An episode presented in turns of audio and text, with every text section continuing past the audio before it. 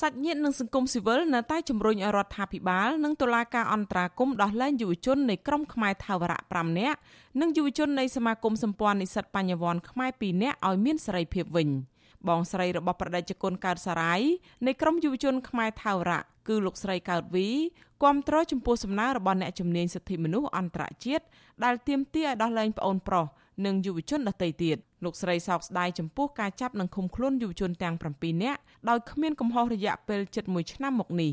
លោកស្រីឲ្យដឹងទៀតថាការឃុំខ្លួនប្អូនប្រុសជិត1ឆ្នាំមកនេះបណ្ដាលឲ្យម្ដាយចាស់ជរានៅឯស្រុកឈឺចិត្តខ្លាំងណាស់ ឃុំលោកអូនខ្ញុំយូរដែរហើយចាហើយក៏គាត់ក៏មិនគាត់មានទោសអីនឹងធ្ងន់ខ្លាំងណាគួរតែដោះលែងគាត់ឡងក៏ពេលកូវីដអញ្ចេះរឿងនៅក្នុងនោះវាពិបាកមនុស្សវាច្រើននឹងឆ្លងចំណែកសាច់ញាតិរបស់យុវជននៃសមាគមសម្ព័ន្ធនិស្សិតបញ្ញវន្តខ្មែរក៏មានបំណងចង់ឲ្យរដ្ឋាភិបាលអន្តរាគមន៍ដោះលែងយុវជនទាំងអស់តាមការទាមទាររបស់អ្នកជំនាញសិទ្ធិមនុស្សអន្តរជាតិដែរប្អូនប្រុសរបស់លោកមានព្រំមនីគឺលោកមានសំណប់ យល់ថាការបន្តឃុំខ្លួនក្រុមយុវជនទាំង7នាក់មិនបានផ្ដល់ផលចំណេញអ្វីដល់រដ្ឋាភិបាលនិងសង្គមជាតិនោះទេ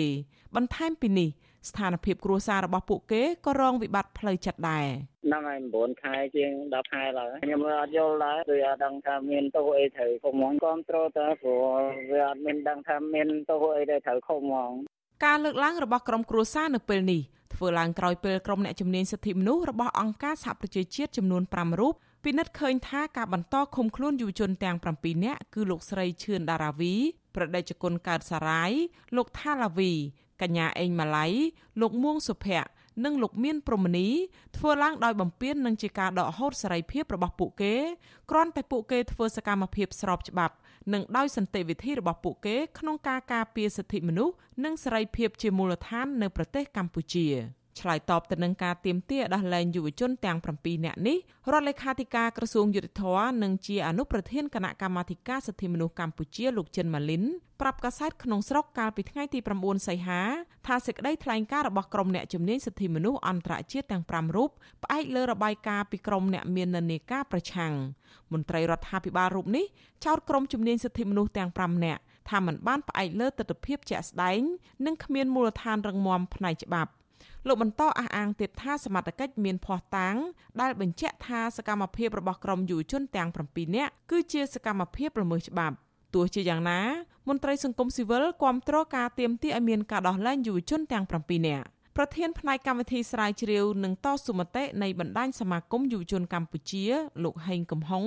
ជំរុញឲ្យរដ្ឋាភិបាលទម្លាក់ចោលបទចោទប្រកាន់ប្រឆាំងលើក្រុមយុវជនទាំង7នាក់ ដោយសារតែសកម្មភាពនិងការតវ៉ាកន្លងមក ធ្វើឡើងក្នុងបុព្វហេតុដើម្បីទាមទារសិទ្ធិសេរីភាពដែលមានធានាដោយរដ្ឋធម្មនុញ្ញលោកបន្តថាសកម្មភាពរបស់ក្រមយុវជនក៏មិនបានបង្កឲ្យមានផលប៉ះពាល់ធ្ងន់ធ្ងរដល់សន្តិសុខសង្គមដោយបទចោទប្រកាន់របស់តុលាការដែរបើសិនជាបន្តគុំខ្លួនគឺប៉ះពាល់យ៉ាងធ្ងន់ធ្ងរទៅដល់កិត្តិស័ព្ទរបស់ប្រទេសកម្ពុជាក៏ធ្វើឲ្យប៉ះពាល់ទៅដល់គោលការណ៍យុត្តិធម៌ដែលតែងតែធានាថានឹងដល់យុត្តិធម៌ដោយឆាប់រហ័សសម្រាប់ពលរដ្ឋកម្ពុជា របបក្រុងភ្នំពេញបានចាប់ខ្លួនយុវជនខ្មែរថាវរៈនិងយុវជនសមាគមសម្ព័ន្ធនិស្សិតបញ្ញវន្តខ្មែរ7រូបដាក់ពន្ធនាគារជាបន្តបន្ទាប់កាលពីអំឡុងខែសីហានិងខែកញ្ញាឆ្នាំ2020ដើមហេតុនៃការចាប់ខ្លួននេះគឺដោយសារតែពួកគាត់តវ៉ាដោយសន្តិវិធី និងមានគម្រោងប្រមូលផ្ដុំធ្វើបាតកម្មទាមទារយុត្តិធម៌សង្គមនៅទីលានប្រជាធិបតេយ្យ តុលាការបានចោទប្រកាន់ពួកគេពីបទញុះញង់ឲ្យប្រព្រឹត្តបទឧក្រិដ្ឋឬញុះញង់បង្កឲ្យមានភាពវឹកវរធ្ងន់ធ្ងរដល់សន្តិសុខសង្គមដែលប្រឈមនឹងការជាប់ពន្ធនាគារពី6ខែដល់2ឆ្នាំគិតត្រឹមខែសីហានេះក្រុមយុវជនទាំង7នាក់ដោយអ្នកខ្លះបានជាប់ពន្ធនាគារចំនួន1ឆ្នាំមកហើយក្រុមអង្គការសិទ្ធិមនុស្សជាតិនិងអន្តរជាតិជាពិសេសទីភ្នាក់ងារអង្គការសហប្រជាជាតិ រួមទាំងប្រទេសប្រជាធិបតេយ្យមួយចំនួន និងស្ថានទូតអាមេរិកជាដើមតែងតែទាមទារឲ្យរដ្ឋាភិបាលដោះលែងសកម្មជនសិទ្ធិមនុស្សសកម្មជនសង្គមសកម្មជននយោបាយនិងសកម្មជនបរិស្ថាន ដែលរដ្ឋាភិបាលបានចាប់ឃុំខ្លួនសរុបជាង80នាក់ឲ្យមានសេរីភាពឡើងវិញចា៎នេះខ្ញុំខែសុណងវັດឈូអាស៊ីសេរីរាយការណ៍ពីរដ្ឋធានី Washington